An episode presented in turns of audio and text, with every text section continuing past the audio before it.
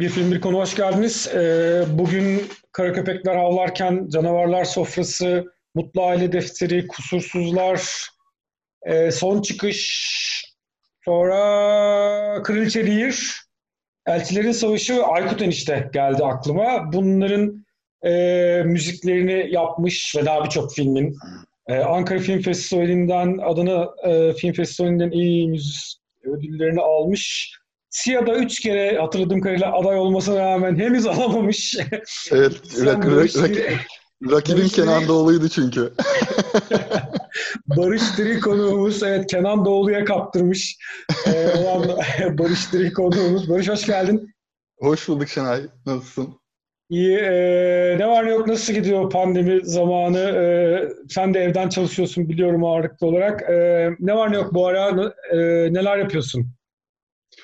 Vallahi bu ara ne yapıyorum? Aslında ilk zamanları evdeydim böyle herkes gibi bu kapanma süreçlerinde. Ee, elimde bir iş falan da yoktu zaten. Hani tam öyle bir döneme gelmişti. Bir yandan da aslında şey olmamış. Tam yeni bir iş bitmişti ve bu süreç başladığı için biraz da aslında çok kaygısız geçirdim ilk 3-4 ayı ama daha sonradan tabii şey kaygılar başladı. Bu maddi kaygılar öncelikle falan filan hepimizin yaşadığı şeyler. Ee, ama bir film çekildi ondan sonra. Bir açılma yaşadık ki işte o ara işte Aykut Enişte biri yapmıştım. Onun ikincisini çekmeye başladılar. Onun işlerine biraz gömüldüm. Ee, işte stüdyoma gidip geliyordum olabildiğince az insanla işte muhatap olarak hani toplu taşıma binmeyerek ama bir yandan evime de bir işte buraya da bir ufak bir işte stüdyo tadında daha editleri yapabileceğim bir şey kurdum. Çok bol hani herkes şey e, ben de senin programlarını da biraz takip ettim zaten ediyordum. Ee, herkes mesela şey dizilere, filmlere gömülmüş. Ben tam tersi oldu. Ben oyunlara gömüldüm biraz. Ama şey yani hani e, Apex Legends diye bir oyun buldum. Böyle Battle Royale, Royale oyunu. E, Battle Royale diye bir film vardı bilirsin belki. 2000'lerin başıydı sanırım. Ben biliyorum biliyorum. Aslında onu da konuşabilirdik keşke. O da çok benim çok hassas olduğum bir filmdir. Biraz kötü çekildi ama. Tam öyle bir öyle, o konseptli bir oyuna da dandım çok fena. Ee, biraz aslına bakarsan yani e, kafamı da açtı şey anlamında açtı. Hani hep şu günlerin moda boklaması var ya bu Z kuşağı falan şeylerinden bahsediyorlar. Hep hani gömüyorlar falan. Hani bu insanlar hani sırf oyun oynayanları izliyorlar falan. Ben de ona girdim. Ben de oyun oynayanları falan izliyorum.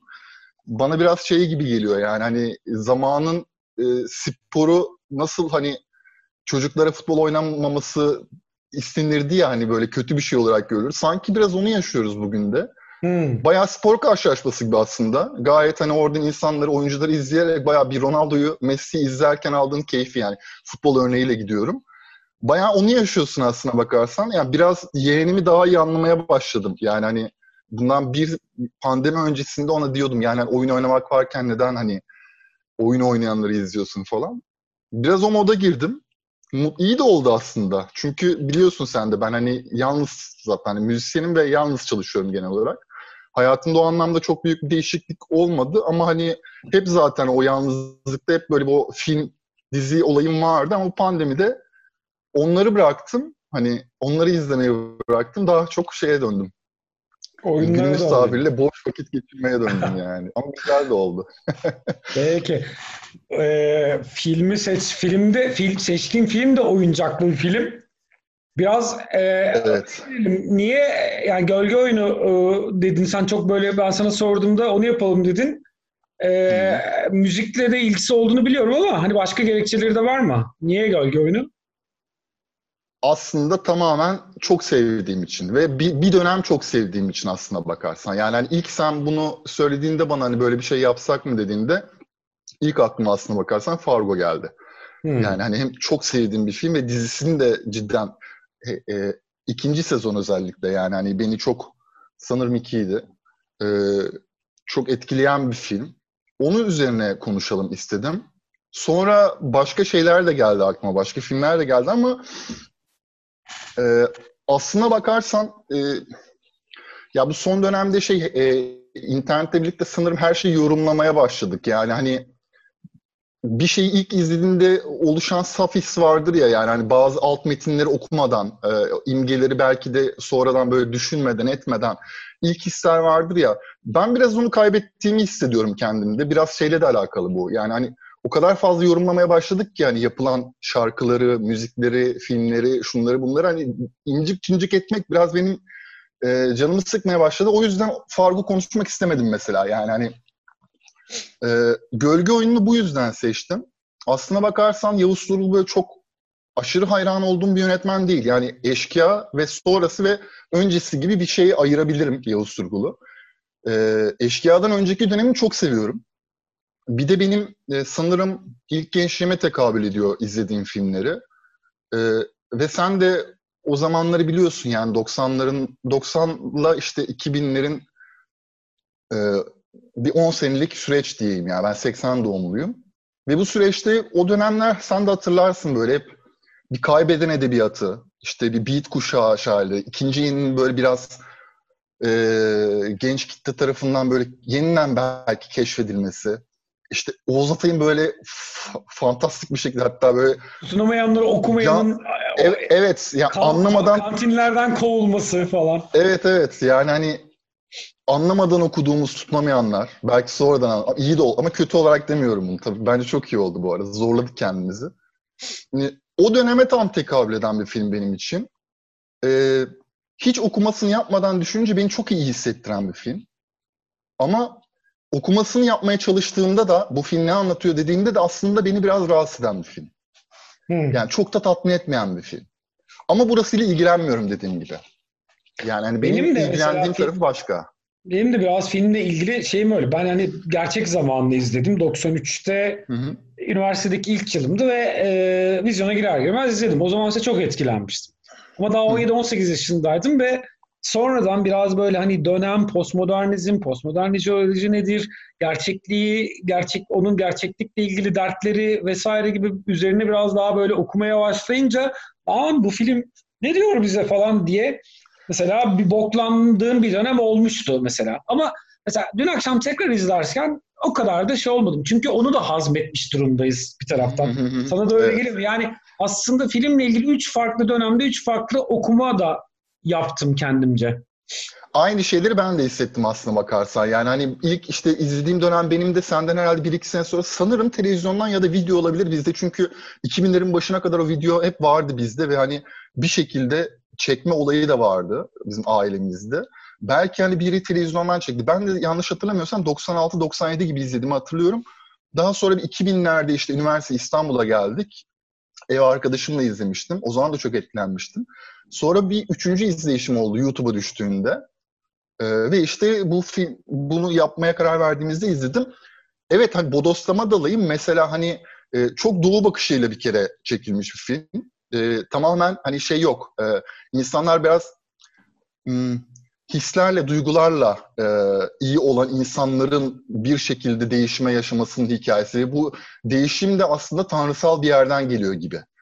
Onu hep muğlak bırakıyor. Yani hani bir e, şey var hani çok kötü tabir işte e, o doğu mistisizmin biraz aslında böyle yalan bir şey var gibi de geliyor yani hani oradan hmm. bir kız peyda oluyor ne oldu bir arafta bir şey zaten ve yani kız bir şekilde bunların hayatına öyle bir dokunuyor ki e, bu iki karakter aslında belki de batı olarak düşünürsen o Platon'un hani şeyi vardır ya işte e, mağara alegorisi hani o anlamda bir gerçekliğe kavuşuyorlar ama o gerçeklik Platon'un anlattığı gerçeklik olmuyor aslına bakarsan. Hani biri erkekliğini kazanıyor gibi oluyor kötü bir tabirle söyleyeyim. Diğeri de sorumluluk sahibi bir insan oluyor. Yani yaşadıkları değişim bu aslına bakarsan. Ve film hani hiçbir zaman bir yandan sevdiğim tarafı da bu aslında. Yani e, benim gördüğüm tarafı da bu belki de. Film aslında gözüne de sokuyor onu. Yani hani eleştirdiğim noktalarından biri de o. Yani dönemle de alakalı olabilir gerçi. Hani şu andan belki rahat eleştiriyoruz da hani o kadının o sağır ve dilsiz kumru diyelim. E, kumrunun böyle bir melek diyeyim yani hani bir melek vari, bir e, uhrevi, bir ulvi bir yaratık gibi konumlandırılmasının çok altını çiziyor. Yani hani bu anlamda da aslında yani e, bu beni çok tatmin etmiyor. Fakat orasında değilim. Ee, bir hani açılışı beni çok etkiliyor. e, çok çok etkiliyor. Bence yani daha, sen daha iyi bilirsin. Belki yani bir örneği vardır bunun film tarihinde. Var, yani benzerleri vardır muhtemelen de. Bu bana biraz şey gibi geliyor işte açılışta yani bu hı hı. aslında Yavuz Turgul sinemasının bütün alamet farikası biraz gölge oyunundan tuluattan beslenir yani iki tane evet, evet. E, eleman vardır onların gerilimi ve kapışması üzerine hem komedi hem de hikaye biraz onların gerilimi üzerine inşa edilir. İşte bu hani e, şey bir aşk filminin unutulmaz yönetmeni bir istisna olabilir bunu biraz. Hı hı. E, ama onun dışında işte e, bakınca işte e, Muhsin Bey'de iki tane şey vardır. İşte Sümertil e, A, gönül yarısında Sümertil maçla Şener Şen kapıldır. Eşkıya'da ve Muhsin Bey'deki gibi yine Uğur Celli birliktedirler. Yani bunlar böyle birbirleri didişirler ama birbirlerini çok severler. Burada da biraz öyle. Bu aslında biraz bana Yavuz Turgul sinemasının da temel e, motivasyonunun böyle e, faş edilmesi gibi de geliyor bana. Yani aslında bütün sineması bir gölge oyunu üzerine inşa edilmiş bir sinema. E, ve hani e, haliye bu böyle onun bir e, tülat sahnesi gibi. O yüzden öyle başlıyor ve öyle de bitiyor. Ee, öyle de bitiyor aynen. Yani şeyi ben diye yani benim en sevdiğim... pardon şeye ne dersin diye sorarak bahsedeyim sana pardon. Ee, aslında açılış filmin gerçekliğini zaten tartışılır hale getiriyor ya. Evet, evet, evet. Zaten tam dediğim de o aslında o açılış. Yani şöyle açılıyor yani hani biz e, Rüya Pavyon'un müzisyenlerini görme görüyoruz. E, güzel bir ışıkla ve şey zaten orada e, onun normal bir dünya olmadığı hissi geliyor. Ya yani orada fantastik bir şey var yani hani ışıkla yaratılmış herhalde. Karakterler çok iyi seçilmiş. Ben yani beni çok rahatsız eden bir şeydir yani bu tür şey. Bir anlatıcı vardır. Ve anlatıcıyı kötü yaparsınız yani bir şekilde o oturmazsa bütün her şey mahvolabilir ama burada çok doğru. Hepsi o insanların sanki bir Aragürel fotoğrafından çıkmışçasına böyle e, tipleri, ses tonları. E, enstrümanları bile normalde şeydir hani hiç bunlar düşünülmez normalde bir filme. Hemen oraya bir kanun koyarlar, darbuka koyarlar. Klarnet. Ya burada bayağı hani e, müziğin müzik neyle yapıldıysa ha, ona da geleceğim. O MIDI ile yapılmış ama yani en azından orada hangi sesleri hayal etmişse Atilla Özdemiroğlu o enstrümanları koymuşlar ve çalan insanlar anladığım kadarıyla parmakları uyuyor. E, Gazelhan yani anlatıcılardan biri Gazelhan, diğeri tromboncu. E, yani onlar ya çok iyi oynamışlar ya da gerçekten onu söyleyen insanlar, gerçekten çalan insanlar. Bir kere bu bence e, artı bir puan kazandırıyor ilk başta. Bu, bu ben hala şu anda bile çok e, unutulan bir şey yönetmenler tarafından. Bunun gerçekçiliği biraz arka plana itiliyor bu çalma olayları falan. Her neyse uzatmayayım. Zaten film bize şey diyor, siz bir fantastik hikaye izleyeceksiniz gibi bir ortama sokuyor bize. E, diyalog çok iyi yazılmış diyalog. E, onlar çok iyi oturuyor ve sonra zaten karakterlerimizi görüyoruz ve 10 dakika içerisinde aslında bütün karakterimiz iki karakterimizin nerede olduğunu, hangi konumda olduklarını, nasıl bir ortamda yaşadıklarını, hangi sosyoekonomik durumdan geldiklerini her şeyini anlıyoruz. 10 dakikada bize bunu ya Yeşilçam'ın bu şeyini ben seviyorum. Yani hani 5-10 dakikada böyle hani şey de olsa, klişe de olsa bize bunu tak tak tak tak tak vermesini Ha bu filmdeki sevgim ayrı. Bu filmde ben hiç zorlanmadan alıyorum bunları. Çok güzel işliyor. Bir de zaten bence bu iyi yani iyi bir senaryo maliyeti. Bu mesela evet, sadece evet. Yeşilçam, iyi Yeşil, Yeşilçam'ın iyi filmlerinde değil. Mesela hani evet, iyi, iyi filmlerinde de böyledir. Yani ilk evet. 10 dakikada biz karakterimizin ruh halini, nasıl bir hani hangi sınıftan olduğunu, o an hangi durumun içerisinde olduğunu e, öğreniriz ve mesela çünkü bu maliyettir. Bizde mesela 45 dakikayı evet. hala gelemiyoruz. Evet hikaye. Yani e, geçtim artı Asun'u bizim ana akım beceremiyor. Bunun ki aslında ana akımın bunu çok hızlı çözmesi lazım. Evet. Evet Ama yani aynı bunu çözmek ya çok e, anlıyor ve katılıyorum katılıyorum sana. Yani bu şu anda da yaşadığımız problem. Aksine bir de şunu da ekleyeyim ya 10 dakikada biz bunu görmekle beraber bir de dert açılıyor yani. Hani bir patron da borca sokuyor zaten olay başlıyor bir şekilde. Hemen kadını görüyoruz. Banu olarak işte getirilen ama kumru e, olan kadını da hemen görüyoruz ve çok hızlı bir şekilde giriyor. Aklıma gelmişken şey dediğim, o da ilgimi çekiyor benim. Ee, dedin ya bir o tuluat üzerine kurulu. Ee, evet bu filmde hatta bir Karagöz Hacivat şeyi de var.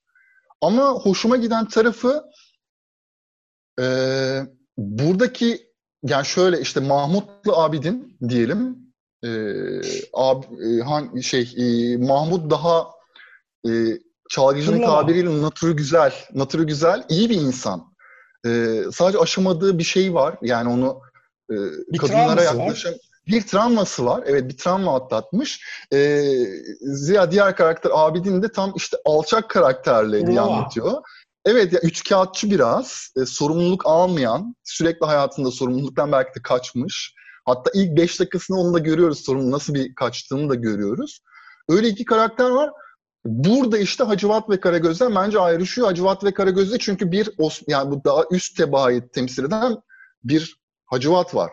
Ama burada sanki o Hacivat daha iyi insan, kamil insan ama travmatik. Sanki Hacivat Mahmut. Ee, Karagöz ise e, daha üçkağıtçı. O biraz daha doğru. Karagöz karakteri evet abidine oturuyor ama Hacivat karakteri biraz eksik oluyor. Şeyde de öyledir yani işte hani kavuklu ve piy şekerden. Biri hep daha böyle bir daha üsttedir. Burada ama sanki öyle değil. Ahlaki olarak biraz üstte diyeyim. O ayrım belki çok ince bir ayrım, çok ufak bir ayrım ama bence önemli. Ee, burada ayrıştırıyorum yani şeyden. Bu bana iyi geliyor. Anladım. Nereden buraya atladım bunu da bilmiyorum. Yok, iyi. Peki e, şimdi ufak ufak sona doğru gelirken tabii asıl meseleye gelelim. Film, müziklere. Çünkü film zaten bir koroyla açılıyor, bir hani müzisyenlerle açılıyor. Evet. Onlarla kapanıyor ve hani e, müzik filmin ana rollerinden biri neredeyse. Yani Hı hı. zaten müzisyenler öyle, anlatıcı onlar. O yüzden sen Evet. mesela hani filmin müzikle kurduğu ilişkiyi nasıl buluyorsun, nasıl değerlendiriyorsun? Ee, yani filmin şeyine girmeyeyim teknik olarak. Yani böyle hem hüzünlü hem alaycı bir melodi kullanılmış. Atilla Özdemiroğlu filmin e, bestecisi. E, teknik olarak konuşmak istemiyorum. Ben çok başarılı bul- buluyorum müziğini. E, şey haricinde çok eleştiri de var buna. Yani e, biraz okudum. E, MIDI ile yapılmış çünkü. Yani 90'larda bir şey tam onun adını bilmiyorum. Bir e, klavye diyeyim. E, herkesin anlayacağı tabirle. Böyle bir klavye şeyi oldu. E, yani ut sesleri, işte üflemeli sesleri, yaylı sesleri falan genelde onlarla. Öyle bir Hmm. moda oydu aslına bakarsan bir yandan. Bir yandan da şöyle bir kolaylığı vardı. Bu maliyet kolay, kolaylığı vardı. Yani hani onun canlı çaldırmak ve yani şu anda bizim de yaşadığımız bir sorun. Canlı çaldırmak, onun stüdyo kirası şudur bu. Bir, bir de yani filmlerde en son bulunur ya sen de bilirsin. O bütçe en son post, posta kalmaz yani bütçe. Öyle bir şey yaşamış olabilirler ama bu tercih de olabilir. O anlamda film müziklerini çok başarılı buluyorum ama keşke canlı çalınsaydı. Ama onu dönemle alakalı buluyorum. Bu Dönemle mesela ilgili şöyle bir şey de var. Ee, mesela 90'da Ortaçgil'in ikinci albümü, ikinci perde albümü vardır. Ee, belki de hani bence çok başarılı bir albümdür. Hatta düzenlemeleri de Onur Tunç'a aittir. Ve ama klavyeyle yapıldığı için hep böyle bir hakir görülür. O böyle bir arka plana itilir ama aslında dönemi için çok başarılıdır ben hala çok severim o albümü. O yüzden ben müzisyen olarak çok seviyorum müziklerini. Ama bir şu andaki bir başka dinleyici o MIDI'den, o şey seslerden rahatsız olur mu onun emin, emin olamıyorum. Ben çünkü daha başka yani melodiye ve hani armonilere baktığım için e, ona dikkat ediyorum. Şey çok güzel. e, yani dediğim gibi o bu müzisyenlerin anlatıcı olması ve müziğin bir şekilde aslında organik olarak şey filmin içine girmesinin ben benim bayıldığım bir şey ve bu çok güzel işliyor. Yani ilk müziği de bu arada çok sonra duyuyoruz yani o anlamda da iyi. Yani hani e, sanıyorum e, Kumru'nun o ilk böyle bir mucizevi anını gösterdiği şey olabilir bu hmm, büyük hanım var ya Freya Koral. Bu arada o da çok enteresan. Yani Freya Koral'ı görmek de e, Cevat Çapan'ı görmek de müthiş. Yani çok enteresan bir karakter bir yandan. E, Cevat Çapa'nın kolpa bir karakter olması orada evet, mesela. evet yani hani evet yani böyle bir evet şey gibi değil mi? E, ihtilalci eskisi böyle bir hafif kafayı sıyırmış. E, ilk orada müziği duyuyoruz. Ya evet ya hep bu bana geliyor. Ne diyorsun o müzik hakkında? Ya 92'de yapıldığı için o, objektif değerlendiremiyorum. Şu gün aynı film çıksa ve bu müzikler olsa belki de eleştiririm. Yani niye böyle yaptılar diye. Ama Peki. o dönem için eleştiremiyorum. Bir de şeyi e, ekleyeyim. E, hani bu bana MIDI'den çalınmış şeyi dedim ya sana hani üflemeliler. E, ama mesela keman keman canlı çalınmış ve anladığım kadarıyla Atilla Özdemiroğlu çalmış. Çünkü onun en, ana enstrümanı sanıyordum keman. E, hmm. Çok da güzel çalmış. E, bir anek bir şey daha artı daha ekleyeyim. Hani MIDI olmasına rağmen çok başarılı yapılmış. Yani o müzisyenler anlar bu dediğim. Yani o o enstrümanların tavırlarını klavyede vermek biraz zor bir iştir. Onlar bence çok iyi verilmiş. Bu anlamda ben başarılı buluyorum çok. Anladım. Çok da güzel teması. Peki kapatırken şöyle bir e, kapatır. Mesela hani sence sen mesela serbest bırakıldığında yani çok ticari bir şey olmadığında senden özellikle bir şeyler talep edilmediğinde ki edilir hep de yani müzikle film arasındaki ilişkiyi nasıl kurarsın? Nasıl kurulmalıdır? Yani o çünkü bazen böyle hani fazla olunca çok batar, filmin üstüne çıkar. Mesela şimdi benim böyle ilk gençlik zamanlarımda bir çok hayran olduğum e, filmlerdeki müzikleri düşünüyorum da mesela ulan aslında filmden bir şey kalmamış aklımda. Sadece müzik var. Hani aslında filmi öldürmüş gibi de geliyor. Hani hı bence nasıl bir şeydir? Mesela böyle kapatalım bence. Valla güzel ve zor bir soru bu. Hani kendimce cevaplayayım bunu ilk sorun hani bana e, böyle bir şey hani hiç bir e, şöyle bir örnek verilmeden verilince ben alt metne çok önem gösteriyorum şeyin haricinde. Yani dedim ya bu e, tartışılmasına karşı ama ilk bir senaryo okuduğumda e, yani alt metin üzerinden imgeler üzerinden gitmeyi seviyorum ve bu bana daha doğru geliyor. Yani hani şey dense yani hani biz orada koşan bir karakter görüyorsak oraya hızlı müzik yapmaktansa o koşan karakterin o koşma sebebinin müziğini yapmak bana daha doğru geliyor. Yani o ona ben alt metin diyorum. E, ikinci yani o bence daha doğru oluyor e, ve daha organik oluyor. E, iki e, dedin ya bazen hani benim aklımda sadece müzikler kalmış. E çünkü film müziği aslında biraz manipülasyon işi. Aslında müzisyenler yani kötü kullanıyorum. Tabii ki bu kadar hard böyle ağzından çıktığı kadar sert değil ama aslında manipüle ediyoruz. Yani hani ben o anlamda olabildiğince az hatta hiç kullanılmaması taraftarıyım. Yani iş yani gerçekten gerek yoksa bence hiç müzik kullanılmamalı.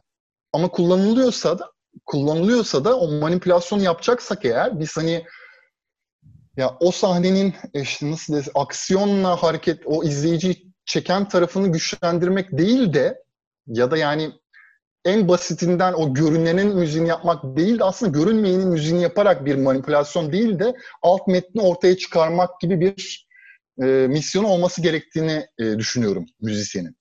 E, çok karışık anlattım. Anlaşıldı Yok, mı? Anlaşıldı. Anlaşıldı. Son cümleye kadar evet, gayet iyiydi. Evet yani. Ama yok zaten hani bu ilişki hep böyle e, o yıllardır tartışılan ve hani e, hiç kullanmamayı tercih eden e, büyük yönetmenler var ama sürekli evet. kullanan yönetmenler var. Hani ya Şenay pardon o da bana biraz ukalalık geliyor. Yani şey gibi değil yani hani müzik filme ait bir şey değildir demiyorum. Yani asla bunu demiyorum. Aksine çok ait bir şeydir. E, fakat e, bu, bunun bir kararı olması lazım ve bunun bence e, o yaratıcı tarafından verilmesi lazım. Yani yaratıcı büyük bir şeyden bahsetmiyorum ama bu neyse. Yönetmense yönetmen bir kişiden bence şey yapılması gerekiyor. Burada pek demokrat değilim ben. Yani burada çok demokrat değilim. Yani şeyde taraftarıyım hani konuşularak çözülmesi taraftarıyım. Fakat hani o piyasa filmleri dedin ya orada başımıza gelen en büyük şey herkesin aslında çok bilmesi. Yani günümüzün de belki problemi o. Yani herkesin çok söyleyecek lafı olduğu zaman ortaya işte korkunç bir şey çıkıyor. O, o müzik de olmuyor, film de olmuyor. Zarar vermiş oluyoruz. O anlamda bence olabildiğince az, olabildiğince filme hizmet eden, yani alt metnine hizmet eden e, ve manipülasyondan kaçan ama manipüle etmekten de korkmayan bir yandan da e, bence bir şey yapmak gerekiyor. Güzel bağladın. Bence burada çok sağ ol. Ağzına sağlık. Çok güzel güzel lezzetli sohbet oldu. Valla 25 dakikayı Eyvallah. doldurduk. O yüzden e, kesiyorum. E, gayet güzel bir sohbet oldu. Çok sağ ol. Tamam. Çok teşekkürler. Ben teşekkür ederim. İyi bak kendine.